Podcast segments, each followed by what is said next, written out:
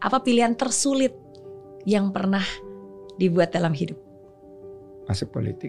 Orang waktu dipanggil untuk klarifikasi tadi pertanyaan tadi Hah? kan ya semua orang dipanggil Pak Prabowo ya pasti deg-degan lah kan. Politik itu di, mungkin dibilang the art of uncertainties. Oke. Kemungkinan-kemungkinannya itu waduh semakin banyak kemungkinannya semakin eh, asik gitu ceritanya. Yang paling diingat itu dan saya sampai berkaca-kaca menitikkan air mata itu waktu nonton filmnya Mary Riana.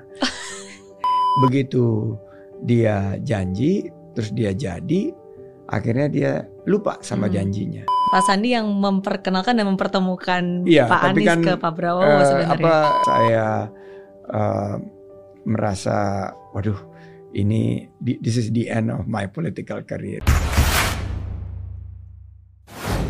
Pagi ini saya berbahagia sekali bisa kedatangan sosok yang saya kagumi, yang saya sangat hormati, Bapak Menteri Pak Sandiaga Uno.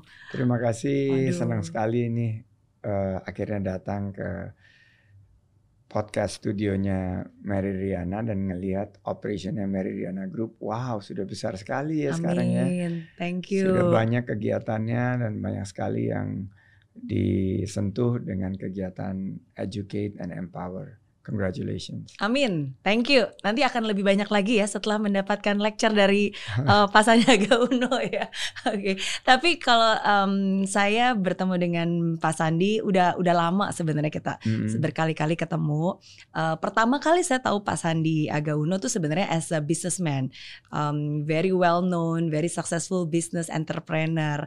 Tapi waktu itu belum pernah ketemu. Oke. Nah, tapi pertama kali saya ketemu sama Pak Sandi itu adalah ketika waktu itu Pak Sandi lagi mau jadi calon wakil gubernur. Oh, waktu itu Pak- 2016 2017 Iya, ya. dulu Pak Sandi datang ke uh, The Mary Riana Show, terus kita ngobrol interview. Itu pertama kali. Lalu berikutnya uh, ketemu lagi um, di Metro TV. Waktu itu Pak Sandi udah jadi wakil gubernur, ya kan? Mm, Bikin kerak telur, Iya. makanan kesukaannya Pok Pok Nur. Nur, betul. Jadi itu pertemuan berikutnya. Uh, terus saya ingat lagi uh, ketemu lagi waktu itu di rumahnya Pak Sandi. Betul Waktu itu. banget. Waktu itu kita eh, habis saya waktu itu udah sel- selesai di wakil gubernur kalau nggak salah. Betul. Saya udah selesai juga eh, prosesi Pilpres 2019 Yes, dan cawapres. dan eh, saat itu saya lagi bangun Sandi Uno TV. Hmm. Terus ngundang Mary Riana sebagai gantian. gantian. Jadi eh, apa tamunya ya dan terus kita double eh, konten waktu itu Collab, betul. kan satu di studio saya satu lagi di rumah. Wah, Gitu. masih ingat ya? masih masih, Masih ingat. ingat. Dan terakhir kali ketemu lagi sebelum hari ini adalah ketika em, Pak Sandiaga Uno datang dan menghadiri acara Inspira Fest. Iya, Tahun lalu. banget ya.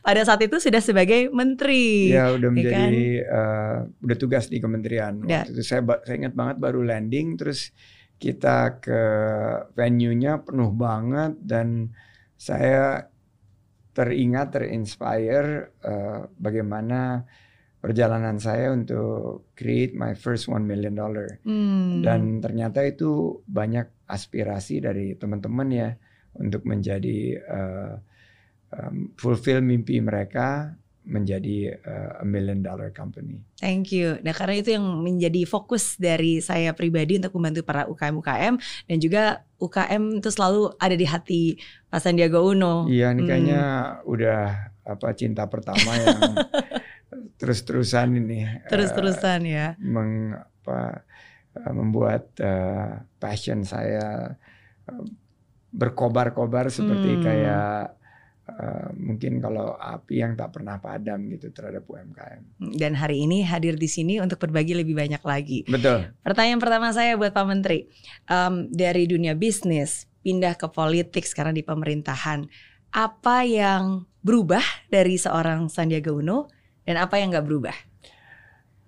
Banyaknya sih yang nggak berubah ya. Hmm. Yang nggak berubah itu bahwa saya sangat ingin sekali uh, memberikan kontribusi dalam penciptaan lapangan kerja. Hmm. Karena saya melihat bahwa bangsa ini uh, bangsa yang besar dengan penuh potensi.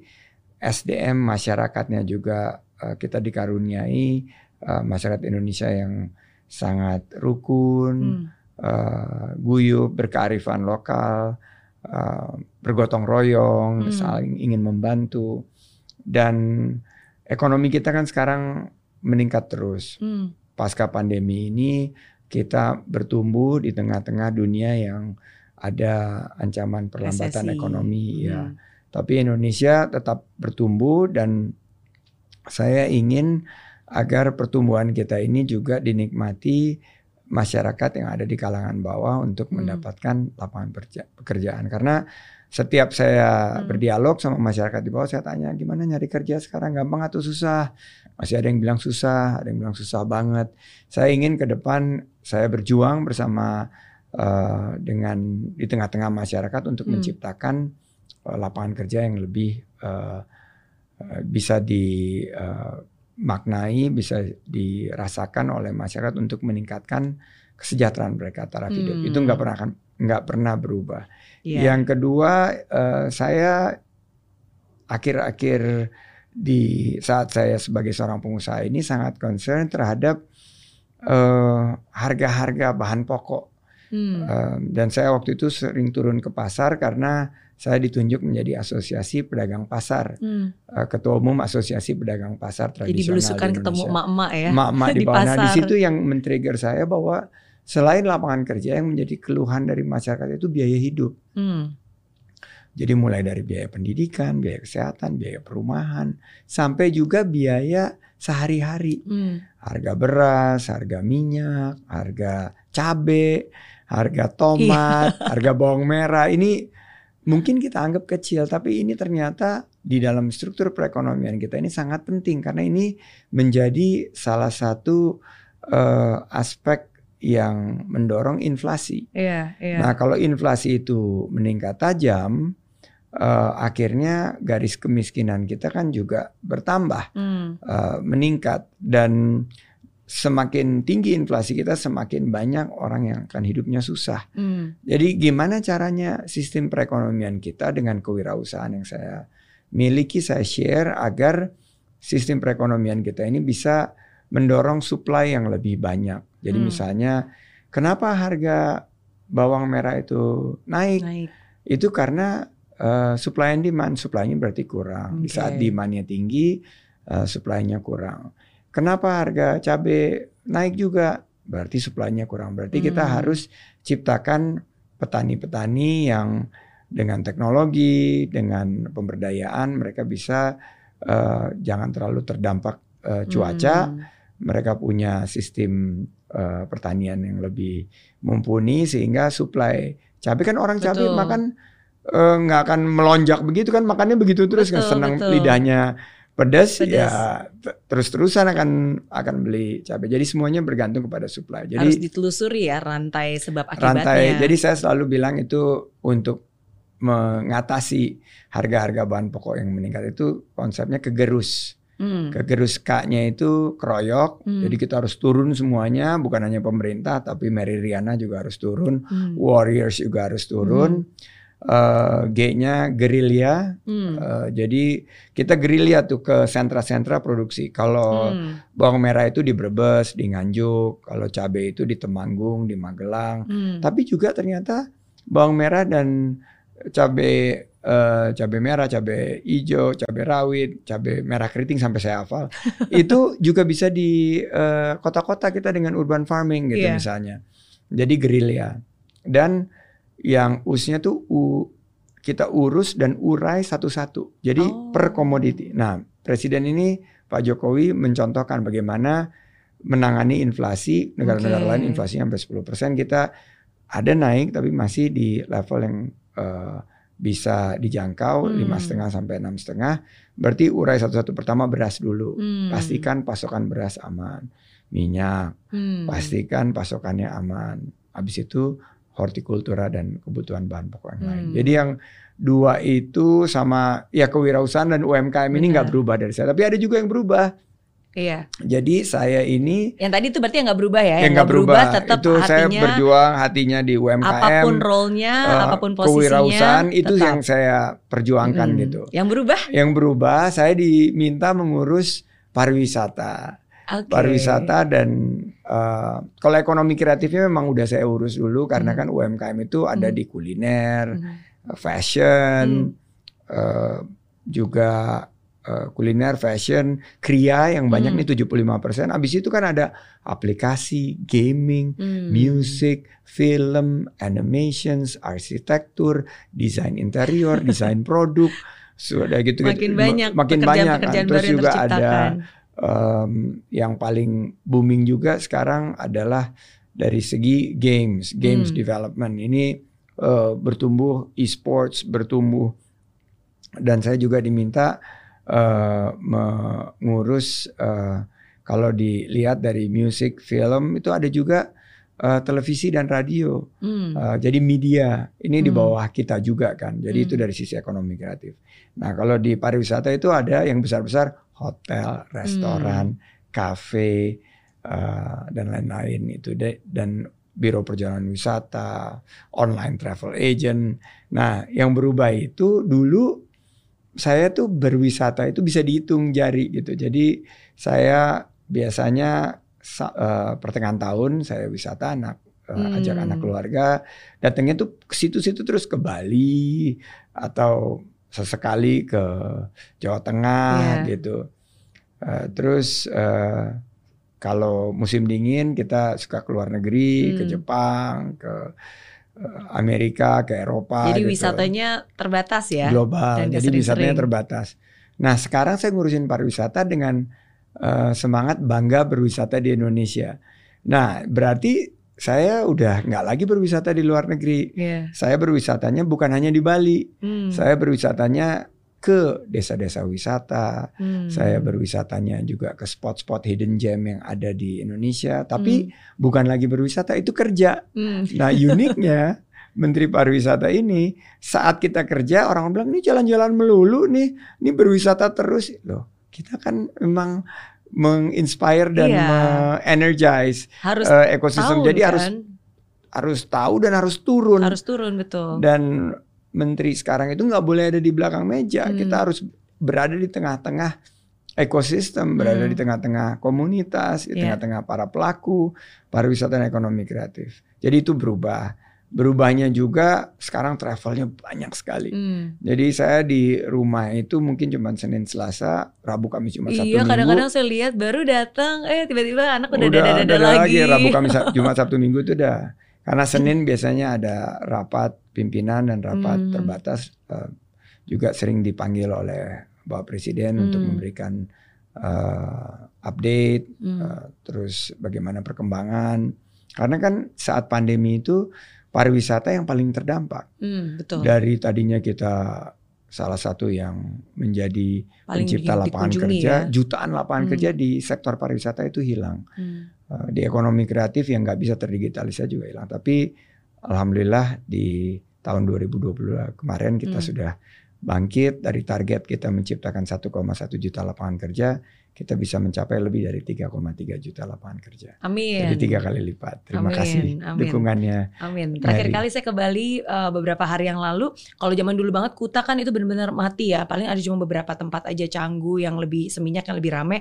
Tapi kemarin udah udah rame lagi, udah macet lagi, udah udah banyak aktivitas. Which is bagus. Itu is, is a good problem. Terima kasih. Iya. Yang berubah dan nggak berubah. Tapi kalau dari sifat, apakah ada yang berubah dan nggak berubah? Nggak ada yang berubah sama sekali. Kalau itu ya. kayaknya em, sudah terbentuk ya dari Iya. eh, karena kalau sifat itu kan em, dari kecil kita ditempa, Hmm. terus begitu remaja kita sudah eh, mengenal sifat dasar kita dan terinstitusionalisasi menjadi budaya kerja. Eh, saya nggak Iya. nggak berubah sama sekali, masih tetap mengusung kerja 4 As, kerja keras, kerja cerdas, kerja tuntas dan kerja ikhlas. Masih tetap mendorong 3C, inovasi, adaptasi dan kolaborasi.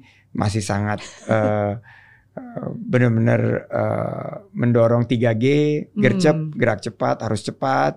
harus geber, gerak Hmm. bersama, nggak bisa sendiri-sendiri, harus Hmm, terus bersilaturahim, harus terus berjejaring dan gaspol, Iya. garap semua potensi termasuk potensi online. Online, Nah, itu oke. yang eh, 3G terus 2S-nya masih tetap Banyak sama. Bers- ya. bersyukur, Bersyukur. harus bersyukur, Betul. tapi kalau belum mendapatkan sesuai dengan keinginan kita bersabar. Hmm, Dan Iya. ya itu semua akhirnya satu tujuannya untuk Indonesia yang sejahtera, adil dan makmur. Setuju dan saya bukti nyata sosok yang melihat Pak Sandi dari mungkin hampir 10 tahun yang lalu sampai sekarang itu benar-benar konsisten tetap humble, tetap rendah hati, tetap santun em, dan itu itu satu hal yang menurut saya mungkin terdengar sangat sederhana, tapi ketika seseorang berada di dalam posisi tertentu atau kondisi tertentu, kadang-kadang sikap, rasa attitude, santun dan humble-nya itu bisa berubah. Tapi itu Betul. satu hal yang masih tetap konsisten dari seorang Sandiaga Uno sampai hari Thank ini. Terima kasih. Thank you. Um, ada beberapa kejadian dalam hidup kita yang pastinya akan selalu diingat. Kalau kita mengingat kembali nih masa-masa di politiknya uh, Pak Sandiaga Uno dari sejak um, jadi wakil gubernur, terus cawapres, ya kan, um, sampai hari ini apa sih yang paling berkesan dan paling diingat? Yang paling diingat itu dan saya sampai berkaca-kaca menitikkan air mata itu waktu nonton filmnya Mary Riana. Karena saya ingat itu yang momen yang yang paling pas menggambarkan dan menurut saya film itu plek-ketiplek sama kejadian, hidup saya. Mhm. di mana saya meniti karir dan merasa sudah dekat sekali dengan eh, sebuah eh, kesuksesan ya. Hmm. Jadi kalau kalau di dunia usaha itu atau di profesionalisme ya, kan saya eh, berkarir sebagai profesional kan. Hmm. Bahwa puncak karir dan kira-kira ultimate goalsnya itu kan adalah menjadi eh, pucuk pimpinan dari perusahaan kan Hmm. menjadi direksi Hmm. dan itu saya sudah selangkah lagi untuk ke posisi itu tiba-tiba kan krisis Hmm. krisis dan itu saya banyak sekali belajar dari krisis itu dan semua tertuang di ceritanya eh, Mbak Mary. Walaupun em, settingnya berbeda ya. Waktu itu Iya. saya eh, di Singapura juga tinggalnya saya dapat eh, pink slip. Itu eh, kalau di dunia korporasi itu pink slip itu menandakan kita mendapatkan surat PHK. Hmm. Jadi Anda your service is no longer uh, required Hmm. and thereby you are terminated. Hmm. Itu kayak geledek di siang bolong. Hmm. Tiba-tiba saya langsung melihat karena nggak siap semua eh, eh, tabungan waktu itu dimasukin ke saham, habis Hmm. ludes, Hmm. eh, nggak punya penghasilan, nggak punya pendapatan. Dulu kan waktu jadi profesional, selain digaji dikasih mobil, mobil ditarik. Iya. Eh, dulu dikasih eh, fringe benefits kan, seperti tunjangan perumahan, tunjangan, semua Travel, ditarik. iya. Tiba-tiba ya gelap aja nggak ada ini. Akhirnya saat itu ya saya melalui fase itu. Hmm. Bagaimana nggak berani nyampein ke istri saya karena saya udah di PHK, Hmm. Baru punya anak, baru punya baby. Hmm. gimana bisa membeli susu buat Hmm. eh, saya udah kepikirannya udah yang udah benar-benar eh, sangat eh, waktu itu udah masuk ke dalam fase yang eh, depresi berat ya waktu itu. Kalau dengar telepon waktu itu saya deg-degan gitu karena tagihan kredit card. Hmm. Karena dulu waktu jadi profesional gaji gede ya kredit card kan tagihannya nggak bisa dibayar semuanya gitu. Jadi Betul. Dibayar cicilannya aja. Dan ada tagihan untuk beli rumah waktu itu beli eh, townhouse di di wilayah distrik 10 waktu itu kan Hmm. eh, ada bulanan yang mesti dibayar. Nah itu masa yang nggak akan pernah saya lupa. Akhirnya saya regroup, saya pulang ke Indonesia, saya bilang kepada para kreditur, saya perlu waktu, saya Hmm. eh, tinggal di balik lagi di rumah orang tua, rumah yang di Singapura karena nggak bisa dijual Hmm. juga, harganya lagi anjlok, saya sewain. Em, dan Dan sampai harus jual perhiasan ya. Uh, itu no, Mbak Nur Mbak istri Nur, saya hmm. dan waktu saya memulai usaha kan nggak punya modal. Hmm. Nah, istri saya yang menjual perhiasan uh, cincin berliannya Hmm. dari ibunya untuk modal kita. Dan Hmm. ya alhamdulillah dari betul-betul by necessity, Ya. uh, by accident saya menjadi pengusaha, memulai usaha di bidang keuangan dan investasi dan Hmm.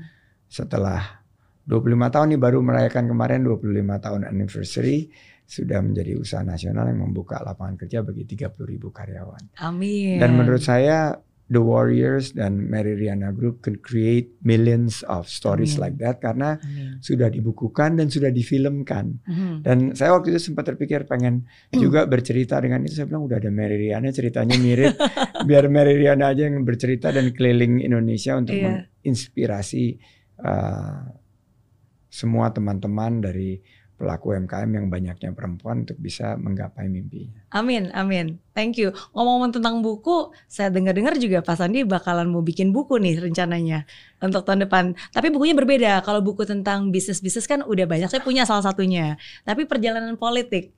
Makanya ini yang yang tadi saya tanyakan juga karena kan eh, saya masih ingat banget pertama kali waktu itu saya ketemu Pak Sandi, saya ngobrol, terus Pak Sandi kan cerita bahwa nggak pernah kepikiran mau terjun ke dunia politik, tapi waktu itu eh, Pak Prabowo yang akhirnya ngobrol dan akhirnya em, terjun gitu kan ke dunia politik sampai hari ini. Tadi jadi Oji, Jadi, wakil gubernur, eh, cawapres.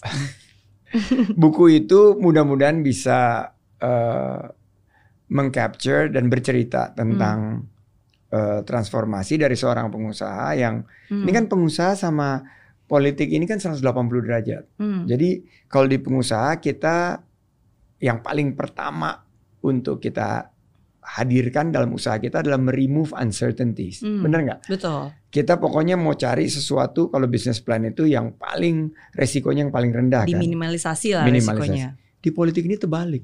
Oh? Uncertainties itu yang paling utama. Malah politik itu di, mungkin dibilang the art of uncertainties. Oke. Kemungkinan-kemungkinannya itu, waduh, semakin banyak kemungkinannya, semakin eh, asik gitu ceritanya. Karena, oh ini mungkin seperti ini, Oke. mungkin seperti ini, dan berubah terus, cair sekali politik. Hmm, Sementara kalau bisnis ini kan lebih static. betul. Politik ini very dynamic. Tapi saya belajar juga bahwa di bisnis ini kan memegang janji itu kan Hmm, eh, komitmen dan trust kan. Iya. Itu yang Di- terutama. Terutama di politik ini yang janji. saya harus belajar juga adalah bagaimana setiap kali kita memberikan janji itu kita bisa Hmm. mendeliver karena banyaknya dulu politik Hmm, adalah begitu dia janji terus dia jadi akhirnya dia lupa sama Hmm. janjinya. hmm. Nah ini yang eh, menurut saya di politik ini kita harus eh, mulai juga bertransformasi bahwa Iya. trust of the people kan dibebankan kepada kita. Ini bagaimana kita bisa juga menuntaskan janji-janji yang di politik. Jadi baik di pilkada maupun di tingkat nasional ini Hmm, bahwa eh, dan juga terbuka seandainya janjinya tersebut tidak bisa hmm. diwujudkan dan apa langkah pivotnya. Nah, yang dari eh, ketiga ini adalah tentunya berkaitan dengan eh, pengalaman lesson learned. Jadi Hmm. buku ini saya ingin eh, kan saya banyak sekali eh, boleh dibilang kegagalan dalam dalam waktu yang singkat di politik ini. Hmm. Saya di pertama di DKI dulu mencalonkan gubernur, jadinya wakil gubernur tapi jadi. Hmm. Jadi itu proses itu saya ingin ceritakan juga seperti apa bahwa ke posisi dan kekuasaan itu bukan segala-galanya tapi Hmm. apa yang kita bisa berikan kepada masyarakat. Di Pilpres eh, saya belum berhasil Hmm. menjadi wakil presiden tapi ternyata mendapat kepercayaan dari Pak Jokowi Hmm. diminta untuk eh, bertugas di Kementerian eh, Pariwisata dan Ekonomi Kreatif. Itu fase itu juga mungkin bisa menjadi pembelajaran bahwa eh, hidup itu ya seperti roda ya, naik turun, Dinamis naik turun, ya. dinamis Hmm. dan kita tidak boleh eh, baperan dan di karir politik saya ini yang masih sangat boleh dibilang eh, cukup singkat eh, saya ma- sudah merasakan Hmm. kegagalan sudah merasakan bagaimana caranya kita uh, deal with failures, Hmm. uh, bagaimana kita menyikapi kegagalan dan di buku ini yang ingin saya sampaikan bahwa uh, kegagalan itu adalah anak tangga untuk mencapai prestasi yang lebih tinggi Hmm. dan setiap kegagalan itu adalah lesson learned dan ini akan memperkuat dan mem- me- memperkaya Hmm. uh, kemampuan kita untuk memberikan kontribusi yang terbaik bagi bangsa dan negara. Hmm, sangat menarik. Ditunggu em, bukunya dan juga cerita-cerita eh, perjalanan dan pengalamannya Pak Sandi. Kalau ya. perjalanannya udah saya terbitkan tahun lalu. Itu Oh. namanya 1500 inspirasi jelajah Nusantara. Itu perjalanan saya selama 8 bulan di 2019 waktu Pilpres. Oke. Itu saya ceritain momen-momennya sendiri-sendiri. Tapi nggak ada aspek daripada uh, lesson, Lesson learn, learn. Ya. kegagalan dan bagaimana ini. Nanti mungkin uh, yang upcoming books yang ingin saya share itu Hmm. adalah lebih kepada uh, cerita uh, kegagalan dan menyikapi kegagalan dan bagaimana kita bisa memberikan kontribusi yang terbaik. Hmm, karena menarik sih yang tadi Pak, Pak Menteri bilang ya bahwa kalau di dunia usaha kita justru mencoba meminimalisasi uncertainties gitu. Tapi kalau dunia politik justru berbeda ya. Justru kita harus membuka, Membuka uh, possibilities. Possibilities. Iya, Iya. jadi kalau di business plan itu kan kita ada mungkin tiga case ya. Base case, worst case, sama best case Betul. scenario kan. Kalau di politik mungkin ada A, B, C, D, F, G sampai Z Hmm. kali. Terus bisa ada 2A, 3B And always last minute. dan selalu last minute. Politik is always last minute. Hmm. Uh, but ngurusin rakyat is minute to minute. Hmm. Jadi saya selalu bilang bahwa di dalam tugas kita apa pun eh, itu kita harus siap dengan segala kemungkinan Hmm. di last minute. Hmm. Eh, namun menit ke menit kita itu harus memikirkan rakyat dan memberikan eh, perjuangan dan juga mengatasi eh, masalah yang dihadapi rakyat, memberikan solusi dan motivasi. Hmm. Tadi Pak Menteri sempat menyebutkan tentang beberapa kegagalan di dunia politik. Eh, yang mana kisah atau kejadian yang paling sedih atau paling buat stres yang pernah terjadi? Masa-masa Em, paling stres. Stres sebetulnya sih saya em, setelah melewati bisnis Mhm. Eh, dan ini pebisnis punya punya keunggulan daripada politisi. Hmm. Pebisnis-pebisnis ini karena eh, mereka ini kan siklusnya itu tiap hari kan, Hmm. menang tender, Hmm. kalah tender, Hmm. dapat project, nggak dapat project. Jadi kita biasa banget menyikapi ups and downs kan. Hmm.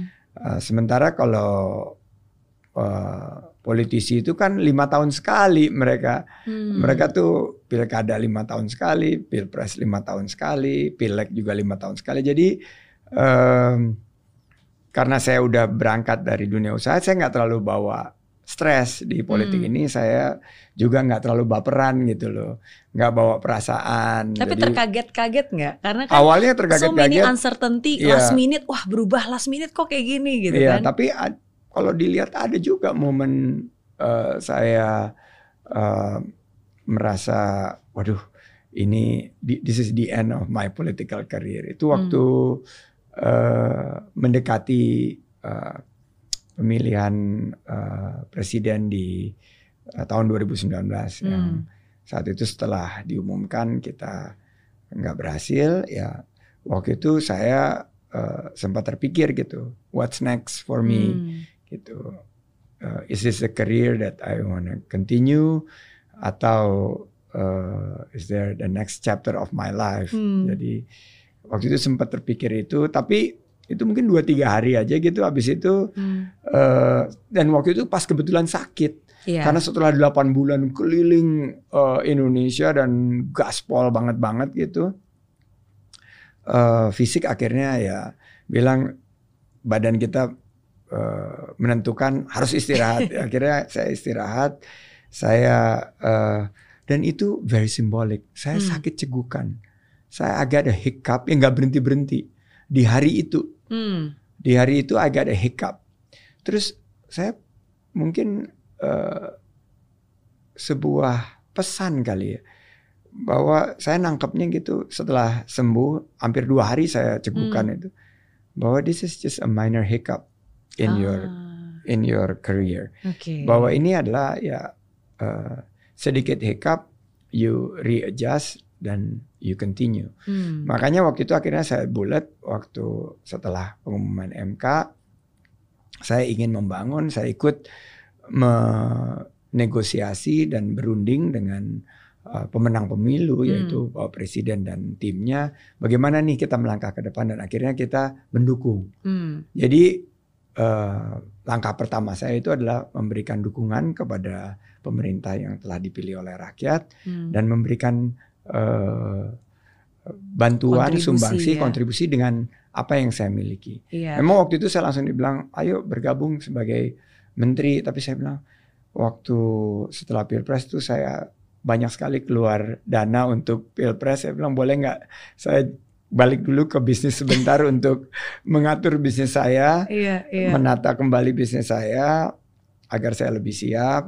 Terus saya mulai beberapa hal yang saya selama ini belum bisa mulai seperti Hmm. eh, saya pengen jadi content creator waktu itu Hmm. saya coba terus saya jadi host di TV eh, seperti Mary Riana Hmm. juga saya pengen banget gitu untuk berbagi melalui Iya. media yang paling banyak itu TV tapi setelah setahun dan kebetulan pas COVID juga Betul. presiden panggil eh, untuk ditunjuk di kementerian di akhirnya di bulan Desember 2020. 20 Betul. Ya, jadi setelah hampir setahun lebih ya Mm-mm. eh, pemerintahan. Tapi ketika kejadian itu kayak tadi Pak Sandi sakit, terus banyak hiccups-nya itu banyak orang menafsir dan memberikan eh, gambaran-gambaran dan dan pandangan yang berbeda. Ada yang bilang, oh Pak Sandi em, nggak suka lah atau menanggapinya eh, berbeda gitu. Iya pasti kan itu. eh, masyarakat punya penafsiran sendiri-sendiri. Hmm. Tapi yang terjadi dan saya cerita ini di salah satu yang pertama mungkin tentang Hmm. hiccup ini, tentang cegukan ini di eh, Mary Riana podcast. Eh, jadi eh, di Friends of eh, Mary Riana ini eh, saya ingin cerita gitu bahwa ada eh, apa alasan medisnya Hmm. saya sakit waktu itu dan ada juga eh, alasan kenapa cegukan ternyata cegukan itu kalau eh, ada beberapa situasi yang menurut dokter yang menangani saat itu adalah dehidrasi Hmm. eh, terlalu capek terus ada asam lambung karena makannya nggak teratur karena di Hmm. hari-hari terakhir itu kan kita genjot banget Gaspol terus ya. Dan eh, setelah saya belajar banget tuh bahwa cegukan itu bukan terus air, air- terus kita makan apa namanya eh, di dulu gula satu sendok gitu Iya. Kalau Eh, saya sih biasanya minum, tahan minum, nafas, na- minum, lagi tahan nafas. nafas. itu eh, Iya. ya membantu sedikit tapi nggak Iya. nggak nggak membantu banget gitu karena Oke. itu eh, adalah regulasi yang Tuhan ciptakan di mana kita Hmm. eh, badan kita tuh bereaksi terhadap Hmm. kekurangan eh, eh, cairan Hmm. eh, terus ada situasi asam lambung jadi harus yang di treat itu adalah asam lambungnya gitu loh Hmm. Eh, dan setelah eh, satu dua hari udah kembali lagi ya saya sudah ketemu eh, masyarakat lagi dan Hmm. ketemu Pak Prabowo lagi setelah itu kalau nggak salah cuma tiga hari tapi itu di tiga hari waktu cegukan itu saya banyak belajar juga tentang eh, bagaimana menyikapi kegagalan. Dan setelah itu saya melihat bahwa oh ya bahwa eh, ini bisnis kita sudah berkembang dengan baik, ekonomi kita juga sudah mulai baik. Bagaimana politik kita ke depan juga adalah politik yang ya mempersatukan, Hmm. jangan sampai terpecah belah, jangan sampai terpolarisasi. Akhirnya keputusan itu yang kita ambil Hmm. untuk bergabung dengan pemerintah dan memberikan dukungan, support, dan kontribusi. kontribusi. Ya. Dan bayangin nggak coba, Mary, kalau misalnya waktu COVID kita terpecah belah, Iya. nggak akan mungkin Nggak kita bisa akan. menangani pandemi. Hmm. Ini seluruh bangsa, negara, rakyat memberikan dukungan, akhirnya kita bisa mengatasi pandemi. Kita tergolong negara, Hmm. negara salah satu negara yang terbaik dalam penanganan pandemi Setuju.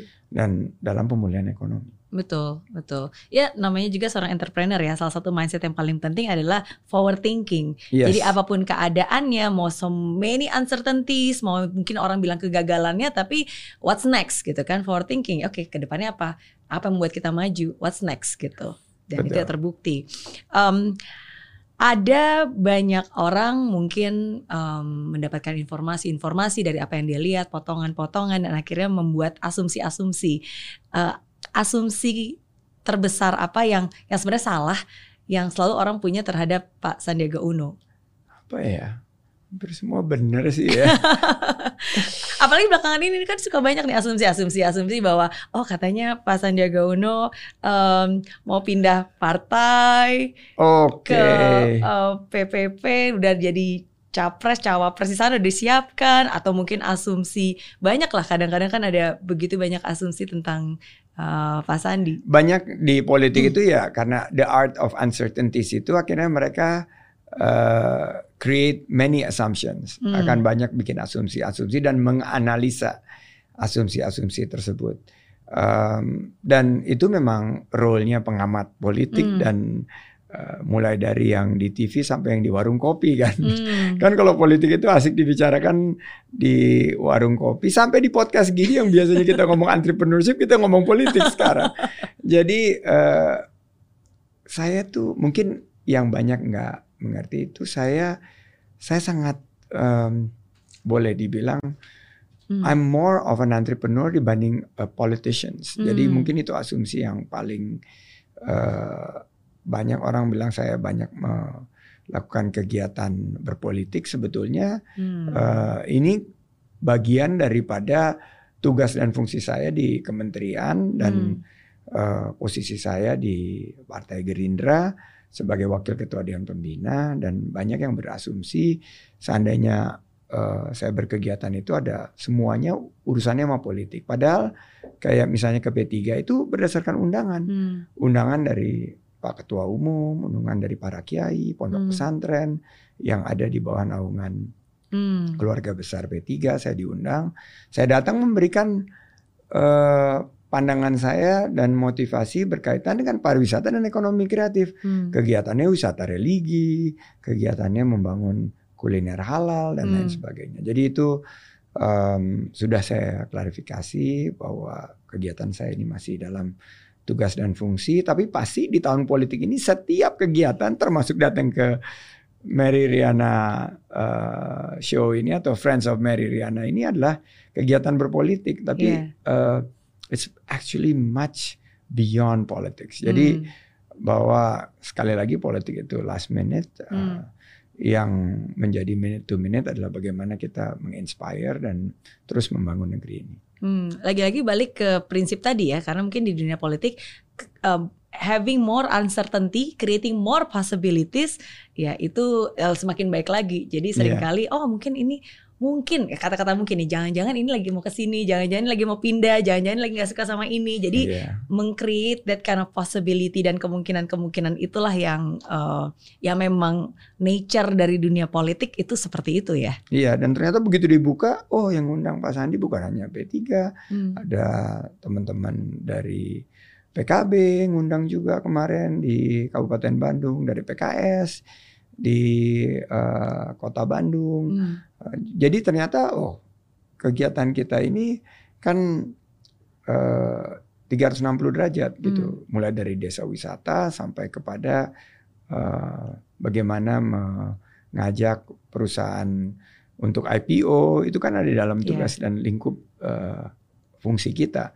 Jadi eh, setelah dilihat oh iya benar ternyata setelah dianalisa kegiatannya memang itu semuanya tersentuh gitu loh Hmm. bukan hanya suatu partai tertentu dan eh, orientasinya hanya politik. Oke, tapi partai tetap di Gerindra. Partai tetap di Gerindra, saya eh, sebagai wakil ketua dewan pembina ditugaskan Pak Prabowo langsung untuk fokus di kementerian. Hmm, oke. Pertanyaan berikutnya, kalau Pak Sandi punya superpower, pengennya punya superpower apa dan kenapa? Apa ya superpower ya? Hmm. Ini superhero ada hubungannya sama superhero juga ya? Boleh. Boleh apa ya? Superman kayaknya ya. Dia bisa terbang gitu. Eh, apa ya superpower? Mungkin the power eh, the power to empower. Jadi, Hmm, Bagaimana kita karena menurut saya masyarakat kita dan setiap individu itu punya keunggulan sendiri. Hmm. Tinggal mereka bagaimana di empower Hmm. supaya mereka bisa uh, true to their own nature, Hmm. be the best they can be. Hmm. Itu mungkin ya saya uh, melihat power yang bisa diberikan saya untuk mengempower other people itu The power to empower ya. Yeah, the power to empower other people, the power to empower uh, masyarakat kita, Hmm. uh, the power kekuatan untuk berjuang bersama rakyat untuk uh, mensejahterakan. Karena kan tujuan republik ini kan jelas kan Hmm. pendiri bangsa kita kan sudah bilang bahwa pertama kita harus uh, meli- melindungi segenap dan seluruh intinya mereka harus dirasa aman Hmm. itu harus dan itu kita ada TNI Polri ada pemerintah dan lain sebagainya kedua adalah memajukan kesejahteraan umum Hmm. apakah kita sudah sejahtera yes Hmm. some people ba- tapi banyak yang belum sejahtera ini tugas kita Hmm. sebelum 2045 nih untuk membawa Indonesia maju di 2045 GDP per kapita kita kita targetkan itu kan mendekati angka 30 ribu Hmm. GDP per capita. Yes masih uh, 20 tahun lagi dari sekarang tapi ini udah deket banget kita harus kerja keras. Hmm. Selanjutnya kan mencerdaskan kehidupan bangsa. Jadi Yeah. ini what you're doing is part of uh, uh, building the nation kan. Hmm. Dan ikut partisipasi dalam perdamaian dunia dan Indonesia sudah dengan G20, dengan ASEAN chairmanship sekarang ini kita mengambil Hmm. posisi untuk menjadi uh, bright spot ya di Hmm. dunia yang penuh uh, gejolak ini volatility Indonesia ini uh, sanctuary for uh, mungkin kalau dibilang uh, spirituality, Ya. serenity ini kan jarang gitu di Jarang. dunia yang sangat bergejolak itu di Indonesia ada um, kedamaian Betul. seperti ini tapi masih banyak PR seperti bagaimana kita meningkatkan lapangan kerja, Hmm. membuka peluang agar masyarakat lebih sejahtera. Hmm. Uh, the power to empower. Jadi punya super powernya supaya orang lain juga punya super power ya. Yes. Mereka jadi superhero superheronya. Semua, Semua. menjadi superhero. Oke, that's nice. Oke, pertanyaan berikutnya. Jadi saya akan menyebutkan ada eh, lima nama tokoh politik, eh, kawan-kawan politik. Jadi eh, saya minta Pak Sandi nanti akan menyebutkan eh, komentar atau pandangan Pak Sandi terhadap orang tersebut. Yes. Gitu, minta izin dulu. Oke. Boleh. Yang pertama, Satu kata ya komentarnya atau bebas, bebas. penjelasan juga boleh. Oh, kalau Pandangan dan komentar eh, pengalaman mungkin eh, Oke. apa pun. Oke. Jadi yang pertama adalah Pak Ganjar Pranowo.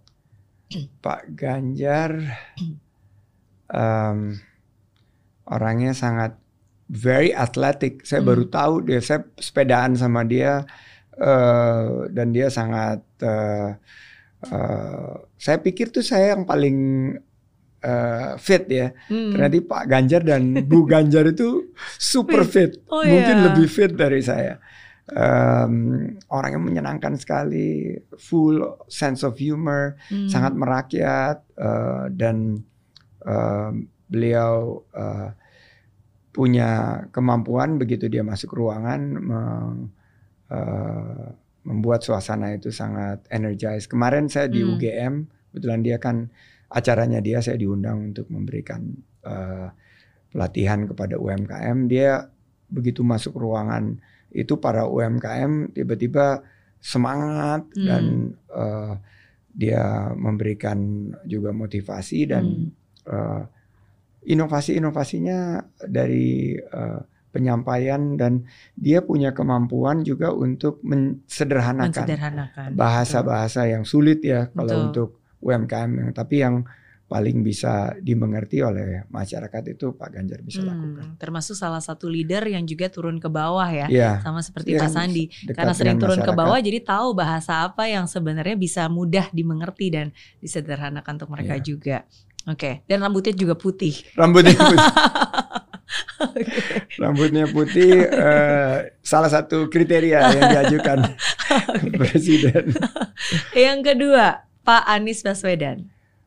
Sahabat Mhm. dan dulu di 2009 saya baru saja selesai ketua umum IPMI itu saya uh, bertemu dan sebelumnya ketemunya di 2006 sama Hmm. Pak Anies kita terpilih menjadi uh, young leader dari uh, Asia 21 jadi Oke. untuk uh, generasi uh, abad ke-21 untuk Asia dari Indonesia saya dan Pak Anies Hmm. uh, terpilih dan di situ saya mulai kenal beliau dekat dan banyak bertukar pikiran sampai uh, satu saat kita tahu bahwa ternyata ibu kita juga bersahabat. Oh. Jadi ibunya Pak Anies dan ibu saya juga bersahabat. Oke, dengan Ibu Min Dengan Bu Minuno ya, Oke. jadi sama-sama uh, di dunia pendidikan Oke. uh, sahabat dan uh, kalau saya ngelihat dia itu kayak pendidik ya dia karena Hmm. waktu pertama kenal itu kan dia menjadi uh, rektor, Rektor. para Madinah, setelah itu menjadi uh, Menteri Pendidikan, Iya. setelah Menteri Pendidikan, nah di situlah uh, kita our path cross, uh, kita uh, bertemu uh, di penghujung, makanya politik itu is Iya. always last minute di detik-detik terakhir. Saya Hmm. mengambil keputusan waktu itu saya kan calon gubernurnya Mhm. untuk mengajak beliau menjadi calon gubernur dan mendampingi saya uh, untuk pilgub di DKI. Hmm, iya. Sebenarnya bukan bukan bers- bukan pas cross ya, tapi kan Pak Sandi yang memperkenalkan dan mempertemukan Iya, Pak Anies kan, ke Pak Prabowo Eh, sebenarnya. apa eh, Bertemu- eh, bertemunya Bertemu intersectionnya di situ ya. Iya, betul. Dan satu dan lain hal itu last minute banget gitu loh. Hmm. Dan eh, sebetulnya beliau kan sebelumnya di menteri kan. Iya. Waktu dia menjadi menteri, saya minta advis dia. Eh, saya undang beliau sebagai menteri pendidikan di acara eh, Saratoga Investment Summit. Hmm. dia datang dan saya tanya ini ada eh, instruksi dari Pak Prabowo saya harus maju di DKI bagaimana pendapat Pak Menteri waktu itu Hmm. maju Chief dia bilang gitu dia panggil saya Chief kan Hmm. maju aja Chief mantap bro dia bilang gitu Hmm. kita lihat nah saya terus memulai mulai dari 0,00001 persen kan nggak ada yang kenal saya Iya. di Jakarta Barat ini nih di tempat ini nih di bawah sini kalau nggak saya masuk pasar orang nggak tahu siapa saya terus saya berkali-kali lewat eh, orang bilang mana sih yang namanya Pak Sandi Uno gitu loh. ada Oke. acara saya kan orang Iya. diundang saya naik gitu Karena kan biasanya di kantoran. iya di kantoran nggak pernah Hmm. bersinggungan dengan masyarakat Pasar. dan di situlah saya mulai satu Hmm. tahun lebih Hmm. sosialisasi ke masyarakat sampai dapat muri sampai Hmm. dapat eh, akhirnya naik 2 3 persen sampai belasan persen tapi pas di penghujung itu saya putuskan mungkin dengan eh, kolaborasi saya sama Pak Anies Hmm. kita bisa lebih menawarkan eh, sebuah perubahan di Jakarta Hmm. dan itu yang akhirnya bisa mendapatkan kepercayaan dari masyarakat Jakarta. Oke, and the rest is history ya. The rest is Sampai hari history. ini di titik hari ini. ini. Eh, yang ketiga, Pak Prabowo. Pak Prabowo ini mentor, eh, inspirator, dan mungkin kalau saya bilang eh, the most misunderstood politicians yang ada di Hmm. Indonesia. Eh, karena kalau kenal sama beliau itu dalam sekali Hmm. eh, wawasan beliau. Hmm. Uh, tapi yang kadang-kadang keluar di publik itu uh, banyak yang mispersepsi tentang Pak Prabowo. Pak Prabowo itu orangnya sebetulnya very humorous, Hmm. sangat lucu orangnya. Dan joke-nya itu, waduh. Joke, kalau kita duduk makan malam nih sama dia, Iya. itu bisa bisa dia uh, uh, apa melontarkan beberapa kayak stand up comedian. Oh ya, Sangat mirip-mirip komika. oke. Jadi itu banyak yang nggak mengerti dan kalau melihat sosoknya dia kan. Jadi makanya saya bilang waktu saya bersama dia di 2019 itu saya melihat dua sisi yang Hmm. berbeda. Sisi dia sebagai pribadi yang super nice dan menyenangkan, tapi begitu kadang-kadang keluar di pidato kelihatan wah Berbeda ya. berbeda Saya banget. sendiri belum pernah ketemu personally dengan Pak Prabowo. Nanti saya usulkan eh, dia untuk hadir di Friends Waduh. of Mary. Thank you. Tapi di bayangan saya itu sosok pemimpin yang oh kayaknya eh, tegas, Tegas eh, iya, tegas benar. dan disegani. Nah, mungkin karena tegas dan disegani, jadi kadang-kadang kita jadi pikirnya kayak galak dan keras Oh, dan sebagainya. iya. sebagainya. Tadi Tegas sebenarnya- disegani ya galak sih. Enggak ya kalau saya bilang kalau sama saya waktu kemarin kan orang waktu dipanggil untuk klarifikasi tadi pertanyaan tadi Hah? kan ya semua orang dipanggil Pak Prabowo ya pasti deg-degan lah kan. Iya. Tapi ternyata begitu ketemu ya sangat friendly, eh, dia dekat sama masyarakat juga. Tapi Hmm. memang eh, mudah-mudahan beliau memiliki kesempatan untuk lebih banyak eh, menceritakan ke Hmm. masyarakat pemikirannya dia dan dia udah menulis banyak sekali buku, buku-bukunya sangat dalam dan sangat filosofikal. Saya lihat konsistensinya, eh, istiqomahnya terhadap NKRI, perjuangannya dia mulai dari masa Hmm. kecil, masa remaja sampai menjadi militer, sampai akhirnya menjadi pengusaha dan sekarang menjadi Menteri Pertahanan. Amin, amin. Semoga suatu hari punya kesempatan untuk bisa berkenalan dan bertemu langsung. Mudah-mudahan Bertukar pikiran dengan Pak Prabowo. Friends of Mary Mary Riana. Riana. Kayaknya dia mesti masuk juga di sini nih. Amin, ditunggu kedatangannya. Iya. Oke, em, itu udah tiga. Yang keempat berarti Pak Ridwan Kamil. Pak Ridwan Kamil Friends of Mary. Dia sih plek ketiplek sama sama kita. Dia kan uh, social media darling ya. Dan Hmm, uh, juga oh kalau itu karena dia arsitek saya selalu kan duduk sebelah dia kadang-kadang kalau lagi di, di acara. Selalu gambar itu. Mungkin pas di sini Hmm. gambar juga kali ya. Dia emang suka bilang suka oret-oret. dia ini korek-korek dan tiba-tiba jadi kayak eh, sebuah infografis yang menarik gitu loh. Wow. Terus bisa bangun ada ada gambar eh, Hmm. rancangan bangunan dan seorang arsitek. Jadi kalau tadi saya lihat Pak Ganjar ini adalah mungkin eh, people's leader, Pak Hmm. Anies ini eh, pendidikan ya, professors. Kalau Pak eh, Prabowo ini soldiers gitu Hmm, a good general gitu. Nah kalau Pak Ridwan ini an architect, an architect gitu loh. arsitek. Arsitek dia memang. Iya. Kalau saya pandangannya dan he's super fun to be Iya. around. uh, seru banget dan idenya tuh nggak habis-habis gitu. Iya. Uh, jadi apalagi kalau urusan konten ya. Iya. itu Kadang-kadang saya ju- sampai iya. juaranya konten, juaranya konten dan Terbahak-bahak. terbahak-bahak dan em, seru banget eh, Iya. kalau lagi sama sama dia dan istrinya kemarin ke kawinannya Kiki Safutri juga Mm-mm. bareng-bareng kita berempat. Banyak banget loh semua ada ada kayaknya ada Pak Ganjar di situ, Pak Anies di situ, Iya, ada Pak Sandi. kayaknya beda-beda Pak Ganjar sama Pak Anies itu siang, saya sama Pak Ridwan itu malam sama Hmm. Kang Emil. iya, ada Jadi Pak Erick ya, Thohir. Waduh, Seru itu banget, seru, seru banget. banget. Mm, Oke, Eh, yang terakhir berarti Mas Ahaye. Mas Agus Ahaye. Nah, Yudhoyono.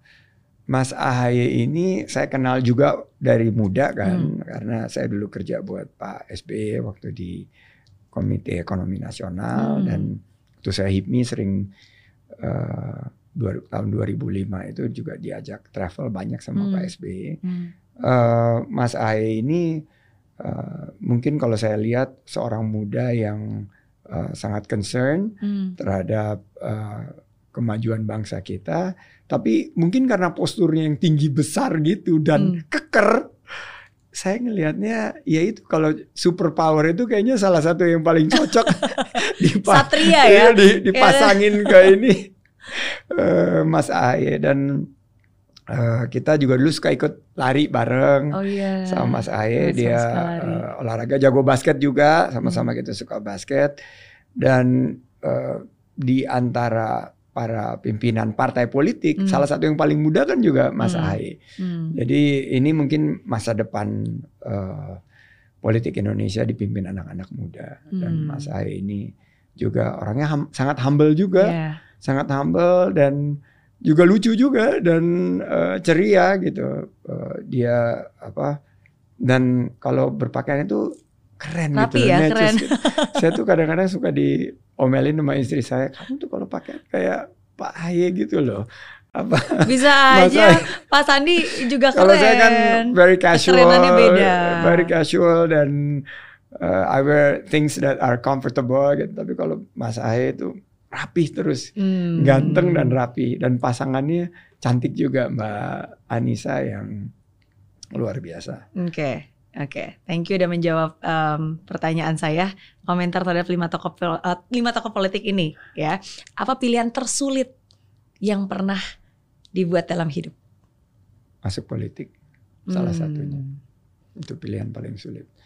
Eh, waktu jadi pengusaha, jadi entrepreneur itu kan by accident and by necessity. Jadi Hmm. nggak perlu pilihan karena we don't have any other choice. When your back is Hmm. against the wall, Hmm. you have to do something. Dan eh, itu nggak terpikir your default. eh, pikiran itu akhirnya membawa kita untuk survive dan berjuang Hmm. dan eh, akhirnya menjadi pengusaha. Tapi saat pindah kuadran untuk masuk politik karena di mata saya dan di mata keluarga saya itu politik saya ini politisi pertama di di keluarga eh, keluarga kita gitu. Jadi udah menjadi pengusaha pertama, menjadi politisi pertama juga. Iya. Nah ini eh, mama tuh paling pertama yang ibu yang paling aduh dia concern banget sampai sekarang masih concern. Hmm. Bahkan sampai nangis kan sampai saya nangis pas saat keputusan itu. ini iya saat itu setiap kali ada ini dia takut dia lihat TV dia apa stres berat gitu Hmm. loh dan saya akhirnya bilang saya hanya mau melakukan ini kalau membuat uh, orang tua bahagia dan saya jelaskan pilihan saya atas ajakan Pak Prabowo waktu itu akhirnya mereka bisa menerima dan they until now learn to accept bahwa Hmm. ini pilihan hidup saya dan uh, ini pilihan sulit dan saya harus terus bisa membahagiakan kedua orang tua saya dan keluarga saya. Sudah mengembrace the choices Iya, yang dipilih oleh Pak Sandi ya. betul. Nah, saya jadi penasaran kan em, waktu itu banyak banget cerita sama Pak Prabowo kan akhirnya Pak Prabowo yang membuat eh, Pak Sandi berubah pikiran. Apa sih yang waktu itu dikatakan atau mungkin yang mengubah pemikiran Pak Sandi dan juga meneguhkan hati akhirnya oke that's it saya ingin masuk Dia politik. bilang satu hal sih, satu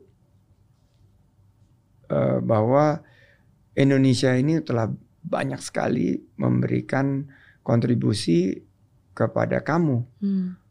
Kamu menjadi pengusaha besar itu karena Indonesia. Tapi pernah nggak kamu memikirkan apa yang telah kamu berikan terhadap Indonesia?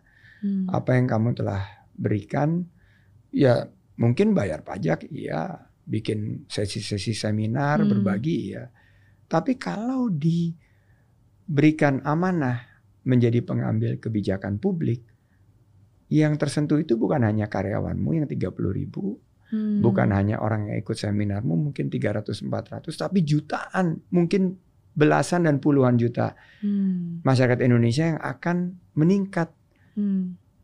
taraf hidupnya berkat kebijakan yang kamu ambil. Jadi Pak Prabowo sama saya kan ngomongnya pakai bahasa Inggris terusnya. Itu kira-kira terjemahannya di bahasa eh, Indonesia dan akhirnya saya waktu itu tersentak gitu loh bahwa it's maybe time for me to to give back to our country Oke. untuk contribute untuk share dan give back. Dan sudah waktunya juga. Hmm. Thank you sudah menjawab pertanyaan saya. Berarti terakhir, seperti janji saya, Pak Sandi boleh nanya satu pertanyaan apa pun. Oke. Agak banyak pertanyaannya, tapi ini em, saya mau kasih lihat em, dua artikel Hmm. dari em, pemberitaan yang mau eh, Mbak Mary eh, bisa lihat dan eh, resapi dulu. Ini artikelnya. Hmm. Oke. Yogyakarta jadi provinsi termiskin di Pulau Jawa tapi penduduknya paling bahagia. Meski miskin orang Jogja bahagia dan panjang usia. Oke. Oke. Agak you digest it. Mhm, mhm, Pertanyaannya, mhm, saya akan ke Jogja setelah podcast ini Mhm. langsung mhm, karena kita akan host ASEAN Tourism Forum mhm. di mana 10 negara ASEAN ditambah China, uh, South Korea, Japan, India, and Russia akan kumpul untuk bicara masa depan pariwisata Hmm. dunia termasuk ASEAN.